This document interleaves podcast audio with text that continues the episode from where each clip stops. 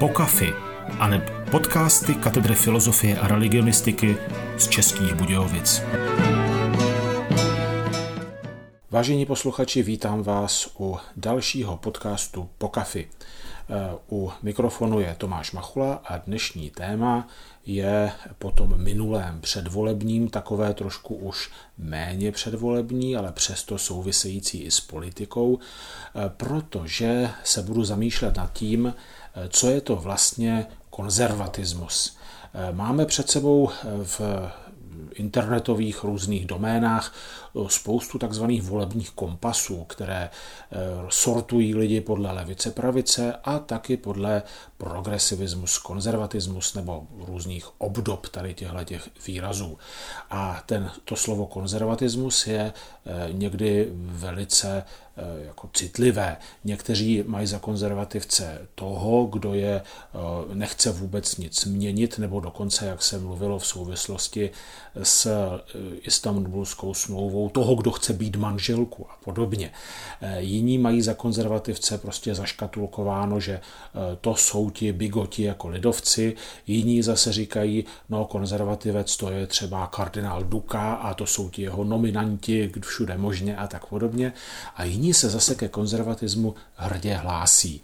Eh, nedávno zesnulý Roger Scruton, britský filozof, vlastně několik svých knih věnoval přímo konzervatismu a ta vlastně nejzralejší vyšla před nedávnem, kdy píše o tom, co to znamená být konzervativec. A konzervatismus je zvlášť pro tu britskou politickou tradici jako velice důležité téma. Co to vlastně je, co si pod tím představit a e, jak to nějakým způsobem rozstřídit a jaký k tomu zaujmout postoj. No ten postoj už samozřejmě nechám na vás, ale minimálně bylo zajímavé podívat se tedy, co se tím slovem konzervatismus myslí. A protože se s ním dnes myslí ledacos, tak se pokusím po svém shrnout takové ty hlavní podoby to, toho, jak se konzervatismus chápe, ale nekladu si, e, nekladu si nárok jaksi na úplnost, protože eh, těch eh, pojetí konzervatismu může být celá řada, ať už v tom dobrém nebo v tom špatném slova smyslu. Já se pokusím říct, eh, jak bych viděl takové hlavní podoby v té diskuzi toho, co je to konzervatismus, a potom bych řekl, podle mého soudu, co je jediná rozumná forma konzervatismu. Takže jestliže si chceme podívat okolo sebe, co to tady ten konzervatismus je, tak zaprvé je to ta nálepka, eh, pod kterou se dá schovat jako všechno hrozné a všechno špatné a e, je to velice často používáno ne úplně fair způsobem právě lidmi spíš z toho progresivního spektra, kdy oni řeknou konzervativec, to je ten, který je e, proti LGBT, kdo je proti istambulské smlouvě, kdo je... To znamená, že chce utlačovat homosexuály, kdo chce být ženy a tak podobně. No, tenhle ten, jako tuhle tu nálepku konzervatismus bych úplně nechal stranou, protože to je s odpuštěním úplná hloupost. Tohle není konzervatismus, to je samozřejmě jako směska všeho možného, eh, neporozumění, buranství a, a prostě eh, nesmyslů. Takže eh, to není žádný konzistentní prostě postoj, názor, stanovisko. To, co je obvyklé, takový ten nejklasičtější pojem konzervatismu v té britské politické tradici, jak je chápán, tak je to jakési, jakási zdrženlivost v příliš rychlých změnách a úcta k tomu, co je tak nějak jako dlouhodobě vyvinuté na základě e, obyčejů, na základě dlouhodobé shody, protože ty většinou e, takové věci rozumně fungují po dlouhou dobu a dá se předpokládat, že by mohly fungovat i dál. Je to tedy vlastně jakýsi opak toho, e, že to, o co se snaží takový ti liberálové v tom anglosaském slova smyslu, no progresivisté, pořád dělat změny, protože nejsme spokojeni s tím, jak ta společnost vypadá a jak vypadá všechno kolem nás a tak se pořád pokoušíme eh, něco změnit. Konzervativec je skeptický v této věci a řekne, že eh, ty neustále, neustále změny nemají smysl, Ty změny by měly být jenom pomalé, ze začátku testovací a až později nějak jako přijaté. Má tam být jaksi velká úcta k rozmanitosti, k spontaneitě, k dlouhodobým prostě nějakým obyčejům a tak dál. A hlavně nedělat příliš ty, příliš ty velké změny rychle. Spíš spolehat na ty lokální společenství, domluvu, dlouhodobé prostě zvyklosti a tak dále. Tenhle ten přístup má v Británii velkou tradici, ale jako domnívám se, že jde strašně špatně přesadit do eh, jako jiných, možná některých ano, ale rozhodně ne do všech, že to není univerzální recept v téhle věci, protože eh, vlastně neodpovídá nám na otázku, eh, na otázku, proč je to dobře. Je to jakási, jako jakýsi postoj, který se vyjadřuje eh, k postupu, k metodě, jak postupovat při reakcích na eh, eh, potřeby společnosti, ale to znamená hlavně to nepřehánit s rychlostí a tak dál, ale vlastně neříká, co je dobré, co je špatné. Není, není, to, není tam ten obsah. Jiný takový přístup ke konzervatismu nacházíme vlastně, řekněme spíš v křesťanských církevních pozicích, když se bavíme o tom, eh, když se bavíme o tom, eh, kdo je třeba konzervativní katolík naproti proti polu liberálního katolíka. No a eh, vlastně velmi často jsou konzervativci, církevní konzervativci, kritizováni ze strany takzvaných tradicionalistů. A tradicionalista vlastně jako říká, eh, jako musíme držet všechno, konzervativec ten dělá jenom takový malý ústupový boj. Eh, teď jsme na tom špatně, prostě už jsme sešli z cesty a jsme teď jako na tom špatně a konzervativec to chce eh, jako zakonzervovat, to chce udržet. To je špatně, my se musíme vrátit k tradici a tu tradici nějakým způsobem držet. To je taky nějaký přístup, který je velice často v americké diskuzi, eh, která se týká křesťanů a nejenom katolických, eh, zmiňovaný, ale domnívám se, že pro naši domácí sekulární a konec konců i tu církevní debatu není vlastně zas tak, zas tak jako důležitý eh, nebo, nebo významný. Protože ptejme se, co je to tedy ten konzervatismus? Je tam to slovo konzervo, tedy eh, uchovávat, zachovávat, konzervovat, eh, aby to vydrželo nebo prostě udržovat něco. A co chceme udržovat? No, když si řekneme, že chceme udržovat status quo, tak to někdy může být úplně hloupé. Jo, když si představíme teda konzervativce v roku 1988, tak by to znamenalo, že chce udržet Jakeše. Pro ty z vás, kteří nevědí, kdo to byl Jakeš, tak si to najděte na Wikipedii třeba. Ale eh, kdo by chtěl být konzervativec v nějaké době třeba eh, dnes, tak by chtěl udržet premiéra Babiše a prezidenta Zemana. Chce to skutečně konzervativec? Liberálové řeknou, že možná ano, ale asi si myslím, že to nebude většinou pravda. To znamená, udržet status quo není e, jako rozumné. A konzervatismus, který se profiluje takto, je podle mého soudu pouhou, eh, jaksi eh, pouhou nedůvěrou a odporem vůči změně, ale někdy ta změna je prostě potřebná a ne vždycky bývá takový konzervatismus jako rozumný. To znamená, já bych ho jako neakceptoval, takovýto konzervatismus. Za další, eh, když se podíváme na tu kritiku z té strany toho tradicionalismu, ať už ho chápeme v té jeho pozici, jak je hlavně v, v té křesťanské, anebo e, i šířeji, ono se to dá aplikovat i na společnost. Tak zase můžeme říct, tady se chtějí udržet nějaké tradice, ale e, i ty tradice se nějakým způsobem proměňují, e, vyvíjejí a tak podobně. Jak, jaký vývoj je tady možný a jaký ne? Co dobrého, co nového udělat a tak podobně, aby to mělo, aby to mělo nějaký smysl. No a já si myslím, že jediný rozumný konzervatismus, aspoň jak mi, to, jak mi to vychází v tom srovnání těch různých podob, je konzervování neboli tedy uchovávání toho, co je přirozeně lidské. A teď máme problém, protože je to slovo přirozeně. To slovo přirozeně řada lidí nemá ráda, zvláště z té liberální progresivní strany, protože eh, jednak dílem, protože prostě jim trošku kazí eh, jejich představu jako radostné neustálé změny a že ne všechno je možné a anything goes, prostě jako jedeme eh, pořád dál a dál. A jednak protože to slovo bývá často špatně chápáno a někdy i dezinterpretováno samotnými zastánci toho, to, té lidské přirozenosti nebo lidství. Takže to už známe, že, že kdysi v minulosti byli tady třeba antičtí autoři, autoři, kteří říkali, že není přirozené, aby si muži holili vousy, a což je samozřejmě hloupost, protože s lidskou přirozeností to nemá co společného. Člověk fousatý a člověk holobrádek budou vždycky lidmi a tím oholením to jejich lidství nějak nenabouráme. To znamená, že přirozené je to, co je nutné k tomu, abychom byli lidmi.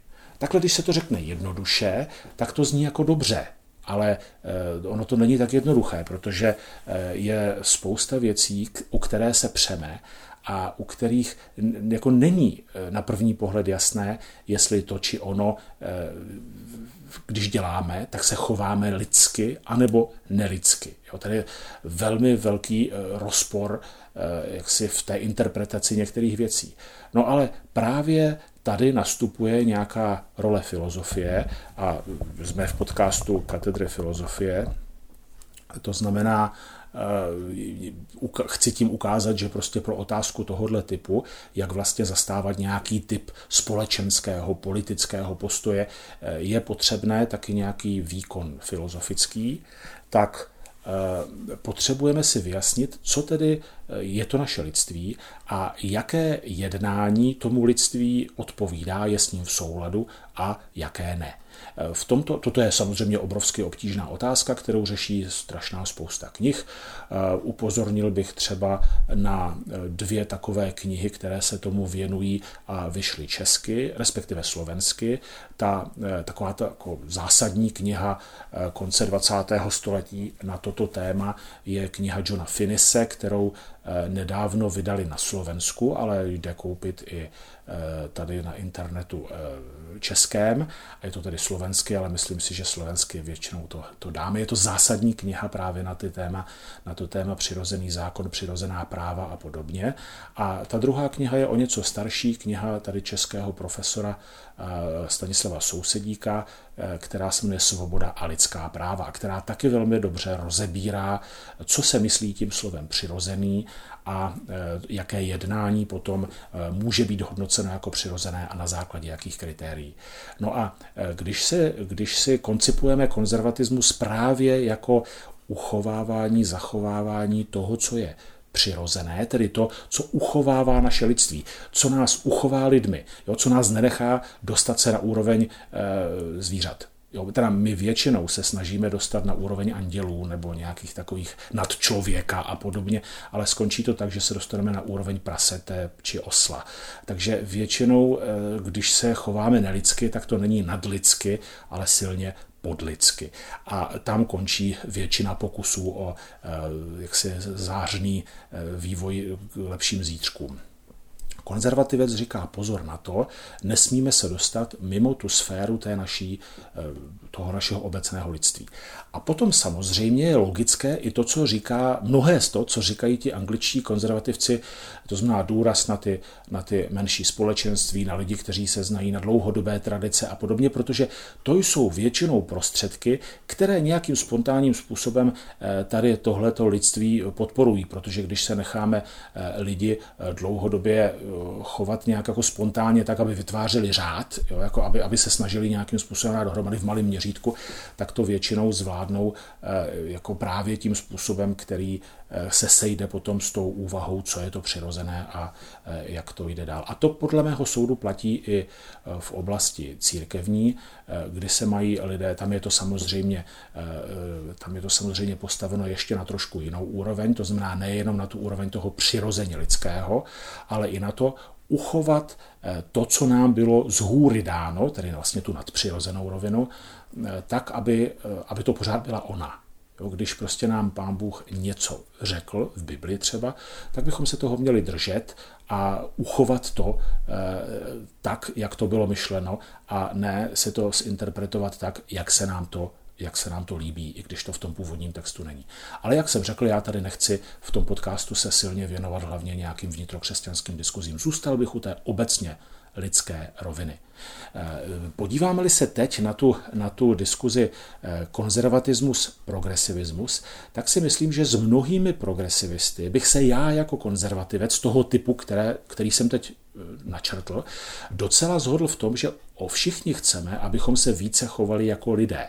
Velmi často jsou ti progresivisti spíš toho levicového typu a pokud jsou třeba eh, levicově sociální, že chtějí, aby lidé, chudí lidé mohli žít jako lidé a tak podobně a tak podobně, tak tady rozhodně nebude žádný velký spor. Problém ale spíš bude, eh, co to znamená být jako lidé a jaká je role lidské svobody, vyvážení závazků a eh, tedy práv a povinností, co, co, jaké má člověk nároky a jaké nároky se na něj vkládají a tak podobně a tak podobně. A jakým způsobem to pomáhá právě tomu rozvinutí toho našeho lidství. Když dáme všechno všem, kdybychom jako zrušili třeba soukromé vlastnictví a všechno úplně nějakým způsobem eh, rozdávali podle toho, kdo, co si myslíme, že je nejlepší a že by tedy mělo nějak to naše lidství podporovat, tak to obvykle, takové pokusy už byly samozřejmě, ale vždycky to dopadá špatně, protože eh, my nejsme schopni tady ten, to, tento přirozené nastavení toho, co kdo opravdu potřebuje, co si kdo zaslouží, které spontánně vzniká, takto realizovat. Ale můžeme se, o tom, můžeme se bavit o tom, jak nastavit společnost, aby právě podporovala individuální odpovědnost, eh, jak ať už eh, nefinančně nebo i finančně bonifikovala nějakým způsobem člověka, který eh, bere vážně svůj sociální rozměr, a tu péči o chudé. Protože, protože inženýrský způsob řešení těchto otázek na papíře obvykle počítá s někým jiným, než jsou lidé. Je to tak jako technicky vymyšlené a nefunguje to. Když se spíš eh, tu regulaci pokusíme udělat velmi mírnou a necháme to, eh, necháme, eh, necháme hodně těch otázek na právě ten spontánní řád vznikající v dlouhodobé diskuzi, nikoli ve velmi moudrých a účinných zákonech jdoucí ze zhora, tak to obvykle mývá lepší výsledky. Samozřejmě ty výsledky nejsou nikdy ideální, protože my lidé nejsme ideální. A to je poslední věc, kterou bych chtěl zmínit. Konzervativec jakéhokoliv typu eh, musí si dobře uvědomovat, že my lidé nejsme andělé v tom morálním slova smyslu. Eh, my lidé jsme, jak by, řekl, jak by řekla křesťanská věrouka, máme narušené přirozené schopnosti. Eh, prostě máme sklon ke zlu jak kdysi řekl Chesterton, eh, právě tady to, to křesťanské dogma, kterému se říká dědičný hřích, je jediným dogmatem, které lze verifikovat, tedy jako potvrdit a přesvědčit se o něm empiricky pouhým pohledem z okna. Prostě když se díváme na lidi, tak vidíme, že to nejsou svědci. A právě e, i toto musí konzervatismus e, v tom svém, e, v tom svém postupu jak si brát do úvahy.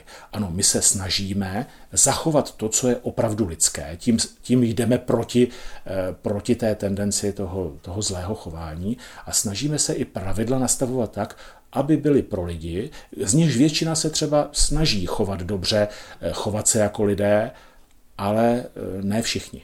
A ne každému z té většiny se to taky třeba daří. To znamená, že když si to zhrneme, tak si myslím, že co konzervovat? Lidskost, lidskou přirozenost, lidství, eh, být člověk. To, to je to, co musíme, musíme zůstat být lidé. Nesmíme se snažit být někým jiným. To je první taková teze konzervatismu. A druhá teze konzervatismu je ale počítat s tím, že ne všichni to chtějí, ne všichni to chápou a ne všem se to daří.